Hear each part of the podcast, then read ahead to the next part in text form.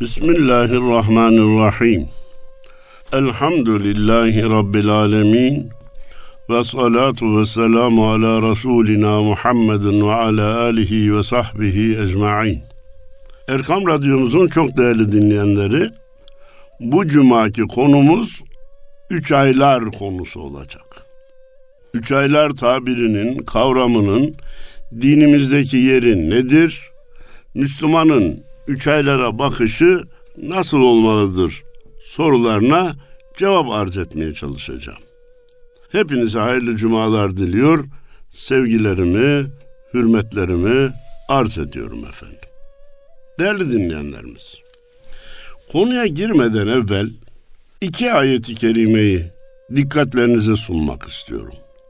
Bunlardan birisi وَمَا خَلَقْتُ الْجِنَّ وَالْاِنْسَ اِلَّا لِيَعْبُدُونَ ben insanları ve cinleri yalnız bana ibadet etsinler diye yarattım. Ancak bana ibadet etsinler diye yarattım. Ayeti kerimesi. Bu ayeti kerimeyi meal olarak düşünür, sadece Türkçe çevrilmiş haliyle gündeme getirecek olursak yanlış anlaşılmalara sebep olur. Ne gibi? Ha Allah demek ki insanları yani bizleri sadece kendine ibadet için yaratmış. Evet. Öyleyse namaz kılacağız. Namaz bitince Kur'an okumaya başlayacağız. Kur'an-ı Kerim'i kapatınca tesbih çekeceğiz. Sonra tekrar namaza başlayacağız. Günler oruçlu geçecek. Geceler namazlı geçecek. Niye? Allahu Teala bizi ibadet için yaratmış. Halbuki müfessirlerimizin yüzde yüze yakını buradaki liyabuduyu liyarifu beni arayıp bulsunlar bana kul olsunlar diye yarattım şeklinde anlamış ve anlatmışlardır. Bu işin bugün gündeme getireceğimiz yönünün dışında kalan bir yöndür. Allah nasıl bilinir, nasıl bulunur, nasıl kul olunur o ayrı. Yalnız ibadet etsinler diye yarattım ayetini düşününce ibadetin manası sadece namaz, oruç, tesbih, tilaveti Kur'an mıdır? Yoksa kulun diğer gayretleri, çalışmaları da ibadet sayılır mı? Buna çok basit ve alışılmış bir cevap var kamuoyunda dolaşan. Allah çalışmayı da ibadetten saymıştır öyleyse çalışmalarımız da ibadettir. Doğru ama bir şartla. Farzlar yerine getirilecek namaz, oruç, haccü, zekat. Haramlardan, büyük günahlardan kaçınılacak. Adam öldürme, faiz yeme, zina etme, gıybet etme, iftira etme gibi büyük günahlardan kaçınılacak. Ondan sonra geriye kalan çalışma meşruiyet dairesini taşmayacak, caizlikler sınırı içerisinde kalacak. O zaman çalışma da ibadet. Hatta çoluk çocuğumuzla pikniğe gitme de ibadet. Meşruiyet dairesinde kalmak şartıyla. Evde çoluk çocuğumuzla şakalaşmamız da ibadet. Dahasını söyleyeyim ve üzerine basarak söyleyeyim. Eğer farzlar yerine getirilir, haramlardan kaçınılırsa kişinin uykusu bile ibadettir. Bu anlamda liyabudu bana ibadet etsinler diye yarattım ayeti kerimesini demek ki ibadeti geniş anlamda düşünerek anlamaya çalışmamız lazım. Peki ama bendeniz buraya niye girdim? Efendim üç aylar söz konusu olduğunda, kandiller söz konusu olduğunda Efendim peygamber zamanında üç aylar mı vardı? Peygamber zamanında kandiller mi vardı? Bunları gündemden çıkaralım diye bir teklif geliyor. Kardeşim Allahu Teala ben insanları ibadet etsinler diye yarattım buyurmuş. Biz 150 bine yaklaşan Diyanet mensupları olarak, hoca, din görevlisi olarak, 100 bine yaklaşan ilahiyat mensubu hocalarımız olarak asli görevimiz nedir? ibadet için yaratılan insanları daha çok ibadete, daha çok ibadete, daha çok ibadete teşvik etmektir. Sanki böyle değilmiş de yapmayanı ibadete teşvik yerine yapanın ibadetini kısıtlamak ile görevliymişiz gibi. Üç aylar yok, kandiller yok, Namazı üç vakitte de kılsanız olur. Abdestte ayağınızı yıkamasanız da olur. Kardeşim sen ibadeti artırmak ve teşvik etmekle mi görevlisin? Kısıtlamak, kırpmak, küçültmek, kuşa çevirmekle mi görevlisin? Onun için biz bu üç aylar ve kandillere sahip çıkalım diyorum. İbadeti taatın artmasına vesile kılalım diyorum. Karşı çıkmakta bir fayda yok. Dışlamakta bir fayda yok diyorum. Bundan sonra işaret ettiğim ikinci ayet-i kerime İnne iddete şuhuri indallahi isna aşara şehran fi kitabillah. Bizim dinimizde ayların sayısı yer ve göğün yaratıldığından bu tarafa hep 12 olmuş, 12 ola gelmiştir. Kıyamete kadar da 12 olarak gidecektir. Ayların hepsi Allah'ın ayıdır. Günlerin hepsi Allah'ın günüdür. 24 saatteki saatlerin hepsi Allah'ın saatleridir. Bunlar içerisinde de hayırsız, uğursuz, kötü, belalı olanı yoktur. Ancak fazilet açısından, manevi sevap elde etme açısından, bereket açısından, feyiz açısından 24 saatin bütün saatleri de birbirine eşit değildir. Haftanın 7 günü de birbirine eşit değildir. Aylar da birbirine eşit değildir. 24 saat içerisinde seher vaktinin önemini bilmeyeniniz yoktur. Hele hele haftanın günleri arasında cumanın faziletini bilmeyeniniz hiç yoktur. Aylar arasında Ramazan'ın 11 ayın sultanı olduğunu bilmeyeniniz yine hiç yoktur. Ne olmuş? Bir de Recep ve Şaban ayları Ramazan'la birleştirilerek üç aylar diye formüle edilmiş, takdim edilmiş, ibadetlerin artırıldığı, Ramazan'a hazırlıkların çoğaltıldığı zaman bölümü olarak yaşana gelmiş. Hem de asırlardır. Bu geçen 10 sene içinde ortaya çıkan, 30 sene içinde 50 senede ortaya çıkan bir şey de değil. Neden böyle olmuş? Efendim hemen yine bir balyoz iniyor. Üç ayların faziletiyle ilgili bütün hadisler uydurmadır. E, nereden çıkardın? Peygamber böyle bir şey söylememiştir. Ya zayıftır diyebilirsin. Sahih değil diyebilirsin. Hasendir diyebilirsin. Ama peygamber böyle bir şey söylememiştir. Söyledi diyenin zayıf da olsa bir istinadı var, bir dayanağı var. Sen söylemedi derken senin dayanağın nedir? Peygamberin böyle bir şey söylemediğini sen nereden biliyorsun? İş mevcudu reddetmek, yeni bir şey ortaya çıkarmak için dikkatleri çekmekten başka bir şey değildir. Bendeniz illa sahih diye iddia etmeden, etmiyor olsam bile bazı kitaplardaki üç aylarla ilgili hadisleri bir kısmını size nakletmeye çalışacağım. Gunye kitabının birinci cilt 330. sayfasında Cenab-ı Peygamber sallallahu aleyhi ve sellem Allahu Teala Recep ayında oruç tutanları affeder, mağfiret eder buyurmuş. Peki bu cümleden biz ne anlıyoruz? Recep ayında daha çok oruç tutun anlıyoruz. Efendimiz de tutmuş mu tutmuş. Bazen tutup bazen yemiş mi yemiş. Orada da illa bir mecburiyet olmadığı kuralını koyacağız.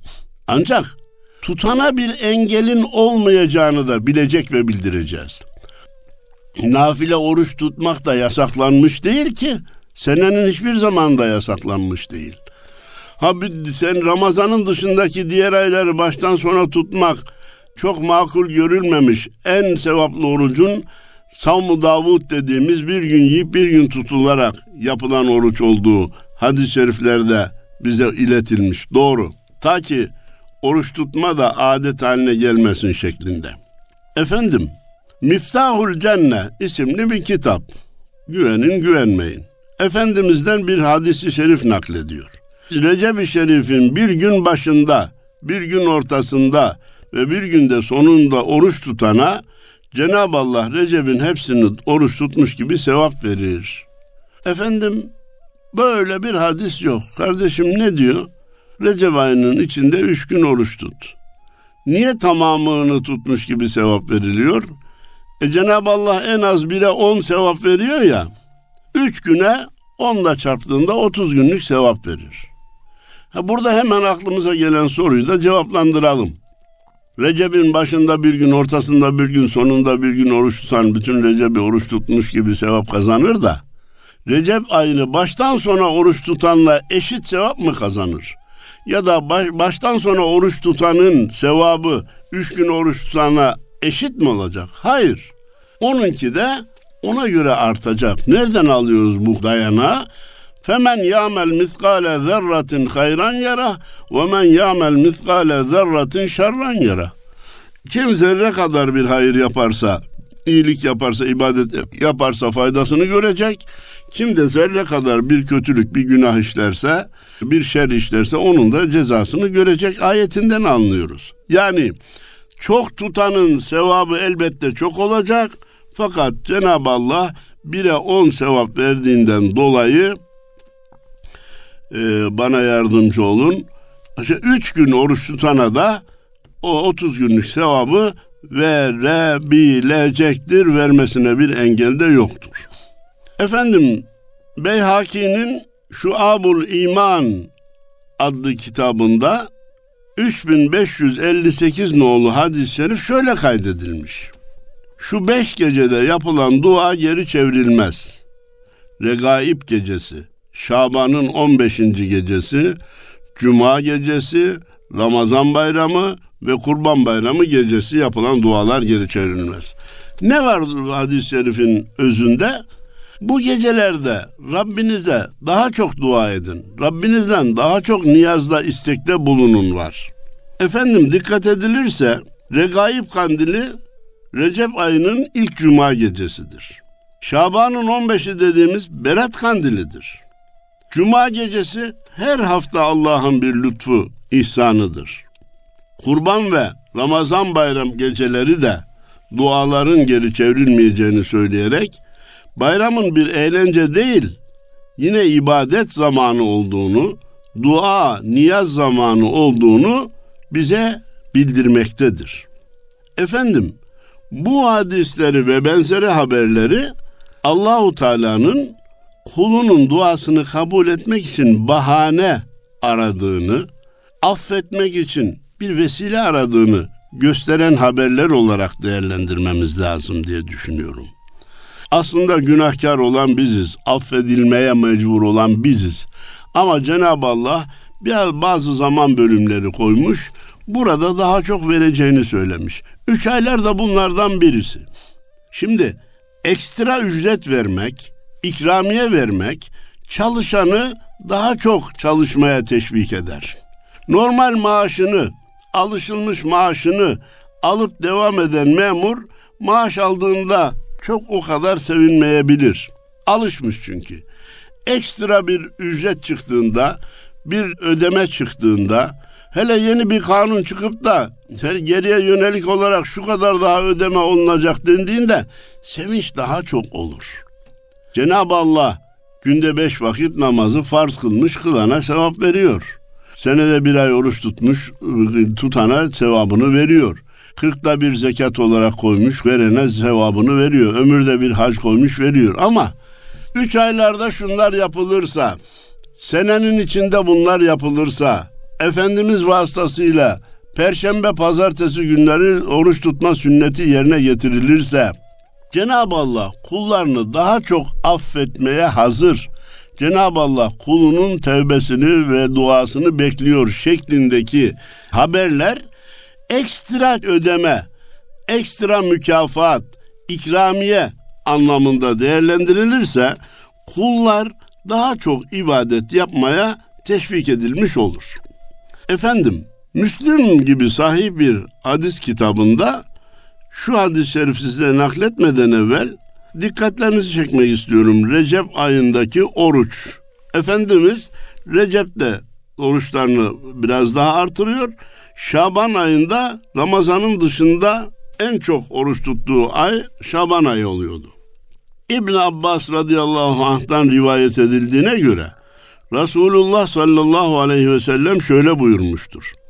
Recep ayında bazen peygamberimiz o kadar oruç tutardı ki biz onu hiç oruç yemeyecek zannederdik. Bazen de o kadar orucu yerdi ki hiç oruç tutmayacak zannederdik. Ha 3 4 5 6 7 gün oruç tutmuyor. Ha herhalde tutmayacak zannediyoruz. Bir bakıyorsun 8. gün başlıyor. 9 10 11 12 13 14 oruç tutuyor. Herhalde bundan sonra hiç bozmayacak zannediyoruz. Halbuki bozuyor. Efendimizin bazı sünnetlerini zaman zaman terk etmesinin ana sebebi biz ümmetine olan merhametidir. Bütün sünnetlere, bütün hayatında hiç ara vermeden devam etseydi, hiç terk etmeden devam etseydi, sünnetlerin hepsi müekket sünnet olur, hatta bazılarının vacip olma ihtimali bile doğardı. Hepiniz bilirsiniz, teravih namazını önce camide cemaatle kıldıran Efendimiz, daha sonra bunu terk etmiş, evinde kılmış. Niye? Devam ederse ümmetime vacip olabilir diye ümmetimin yükü artmasın diye. Hemen geliyoruz hadisimize.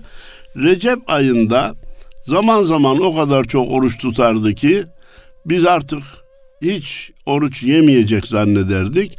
Zaman zaman da e, orucu terk ederdi, oruç tutmayacak zannederdik. Özetleyelim. Tutanlar tutmayanlara, üç aylarda oruç tutanlar tutmayanlara ya siz nasıl Müslümansınız? Niye oruç tutmuyorsunuz demesin. Tutmayanlar da oruç tutanlara ya peygamberin sünnetinde baştan sona oruç tutmak yok. Siz niye Recep-i Şaban'ı tamamen oruçlu geçiniyorsunuz? Bir de üç aylar orucu diye bir şey uydurmuşsunuz. Tutmayın, yiyin demesin kardeşim. Evet üç aylar orucu diye başlı başına bir oruç yok ama Recep'te Şaban'da bütün ay oruçlu geçirilmeyecek diye bir yasak da yok. Ha bunu Anadolu insanı bir formül bulmuş. Demiş ki hayatımda bildiğim yoksa da bilmediğim belki bir kefaret hatası olabilir. Ramazan orucunu kasıtla bilmeyerek bozduğum, bilmeyerek dediğim bozdum da hatırlamadığım böyle bir e, hatam olabilir. Ben bir kefaret tutayım. Birden fazla aynı suç işlendiğinde bir ceza da kafi geliyor. Cenab-ı Allah da varsa böyle bir hata affetsin. Yoksa nafile oruç olsun diye. Recep ve Şaban ayını oruçlu getirirse kefaret niyetiyle kefaret tutmuş olur. Bunu başka senelerde de tekrarlarsa nafile üç aylar orucu tutmuş olur. Burada iki ay dediğimiz Recep ve Şaban ister 29 çeksin ister 30 çeksin kefaret yerine gelmiş olur. Teknik bir bilgi arz etmek istiyorum. Ama hanımefendiler gerek bilerek gerek bilmeyerek bir kefaret varsa diye oruç tutmayı düşünürler, niyet ederlerse Recep ayından epeyce önce başlamaları gerekir. Çünkü iki aylık oruçta iki kere özel hal yaşayacaklarını düşünerek o sayıları da tamamlayacak kadar erken başlamaları gerekir. Onlardan 20 gün olacağını düşünsek 20 gün önce başlamaları gerekir. Özel haller kefaret orucunu kesmiş olmaz ama kefaret orucundan da sayılmaz. Ramazan gelmeden evvel o 60 günün o zaman 60 gün sayacağız ya da tam iki ayın tamamlanması gerekir. Bu teknik malumattan sonra Efendimiz Peygamberimiz Aleyhisselatü Vesselam'ın çok meşhur bir hadisi şerifi var. İtiraz edenler de buna da uydurma diyorlar. Recep Allah'ın ayı, Şaban benim ayım, Ramazan da ümmetimin ayıdır buyurmuş. Canım başta dedik ki ayların hepsi Allah'ın ayı. Amenna. Fakat böylece Recep ayında maneviyat çalışmasına, ahirete yönelik çalışmaya, ibadet-ü taata daha bir teşvik olsun anlamında Efendimiz böyle buyurmuştur. Dikkat lütfedilirse Recep, Şaban ve Ramazan aylarının en faziletlisi, en bereketlisi Ramazan ayıdır malumunuz 11 ayın sultanı. Evet, onu ümmetimin ayı demiş bak. En zayıf biz olduğumuz için en bereketliyi, en zengin olanı sevap açısından bize izafe etmiş. Şaban benim ayım demiş. Şaban ayında nafile ibadetleri daha çok artırmış. Onu kendine izafe etmiş. Recep Allah'ın ayıdır diye onu da Cenab-ı Allah'a izafe etmiş. Dedim ki bütün aylar Allah'ın ayı da Recep'e veya Muharrem'e Allah'ın ayıdır diye bir izafe ile sıfat vermek onu yüceltmektir. Müminleri de o günlerde daha çok ibadet etmeye teşvik etmektir. Hani vatandaşlardan biri Sayın Cumhurbaşkanı der, bir başkası Sayın Cumhurbaşkanım der, kendine izafe eder. Vatandaşlardan birisi bayrak çok önemlidir. Bayrak bir milleti temsil eder der. Sanki başkasından hikaye ediyor gibi. Bir başkası bayrağım çok şereflidir. Bayrağım milletimi temsil eder diye kendisine izafe eder. Bir şey kendisine izafe edilince daha çok değer kazanıyor demektir. Üç aylar geldiğinde en çok rivayet edilip birbirlerimize aktardığımız bir hadis-i şerif de Allahümme barik lena fi Recebe ve Şaban ve belli'na Ramazan hadisi şerifidir. Hemen ellerinde uydurma mührü olanlar bunun da üstüne bir uydurma mührü vurmaya çalışıyorlar. Ne diyor Peygamberimiz burada? Ya Rabbi ulaştığımız Recep ve Şaban ayını bize mübarek eyle. Evet. Bizi Ramazan'a da ulaştır. Yani elimizdeki nimetin kadru kıymetini bilelim. Onu daha çok değerlendirmek için gayret sarf edelim. Daha ulaşamadığımız nimetlere de Allahu Teala'nın bizi ulaştırması için dua edelim, niyaz edelim. Bir saniye sonrası, bir dakika sonrası garanti olmayan bir insanın Recep ayına gelince ya Rabbi beni Şaban'a da ulaştır. Şaban ayına gelince beni Ramazan'a da ulaştır. Re- Recep'i ve Şaban'ı bana mübarek eyle. Ramazan'a da ulaşmamı nasip eyle demesinden daha doğal, daha normal, daha verimli başka bir şey olabilir mi? Karşı çıkma yerine savunalım diyorum. Dikkat lütfedilirse anti-İslamist düşünenler, din aleyhtarı olanlar kendi fikirlerini gündemde tutabilmek için bir kısım günler geceler ihdas ediyorlar eski tabirle ortaya atıyorlar yeni tabirle ve onları efendim ayyuka çıkarıyorlar. Sevgililer günü, hayvanlar günü, efendim bana yardımcı ol, falan şairin doğum günü.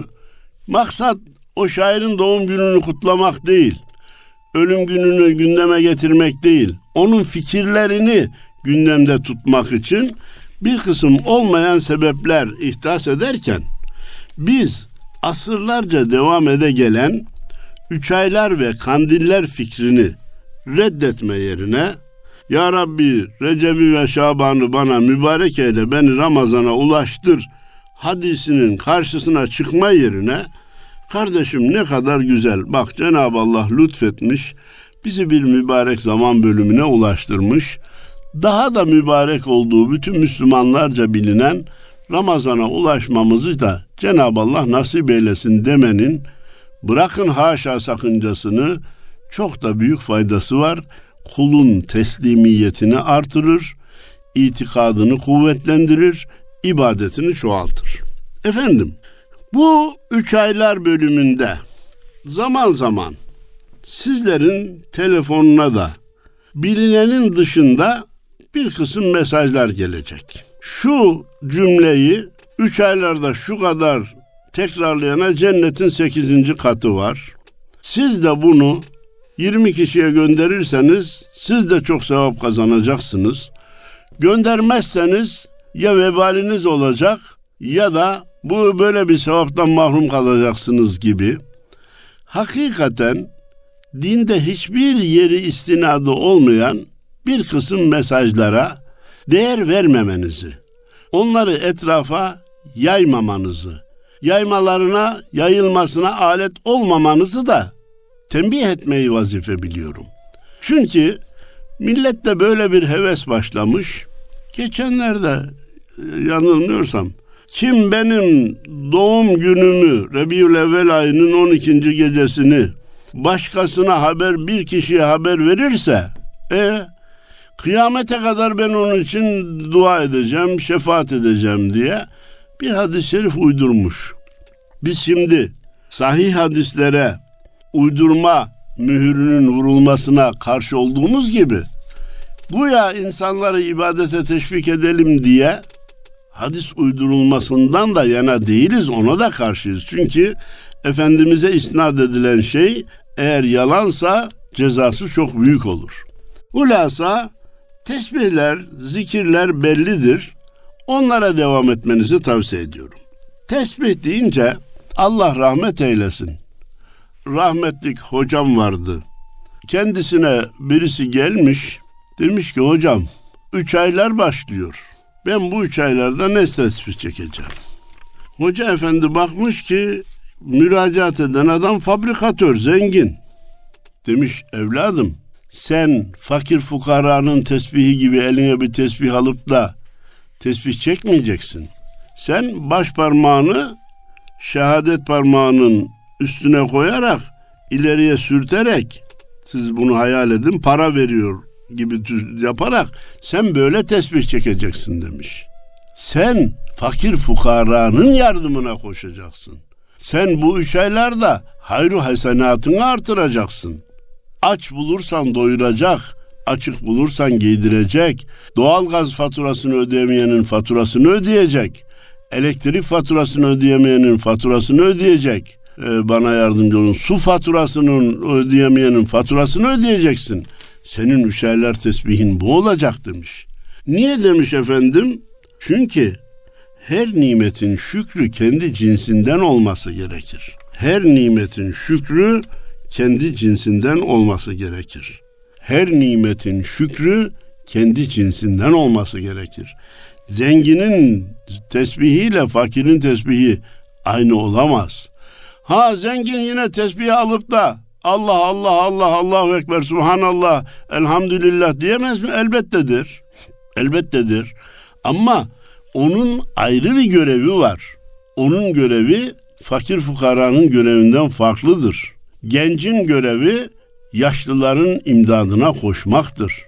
Yaşlının görevi gençlere dua etmektir, yol göstermektir. Vaaz nasihatta bulunmaktır. Bahsi geçen hocam Ali Yakup Cenkçiler hocamdı. Allah rahmet eylesin. İsmini zikretmeyi unuttum. Allah rahmet eylesin. Bize emeği var. Ali Yakup Cenkçiler hocamız zengine zenginin tesbihi para vermekle olacak şeklinde tavsiyede bulunmuş. Şimdi toparlayalım ve diyelim ki Cenab-ı Allah bizi bir üç aylar bölümüne ulaştırdı elhamdülillah. Burada gayretimizi biraz daha artıralım. Ramazana daha hazırlıklı girmeye çalışalım ve sindirim sistemimizi, beynimizi, vücudumuzu Ramazan iklimine hazır hale getirmek için gayret sarf edelim. Daha çok tesbihlerle, dualarla Rabbimizden affımızı niyaz edelim. Cenab-ı Allah evlad uyalimizi zamanımızın şerlilerinden muhafaza eylesin. Her birimize helalinden kolayından rızıklar ihsan eylesin. Bil vesile dertlilerimize deva, borçlularımıza eda, hastalarımıza şifalar ihsan eylesin. Dünyamızı kuraklıktan ve savaştan muhafaza eylesin. İslam alemini ve Türklük dünyasını Türkiye etrafında bir araya gelip bütünleşmeye muvaffak eylesin.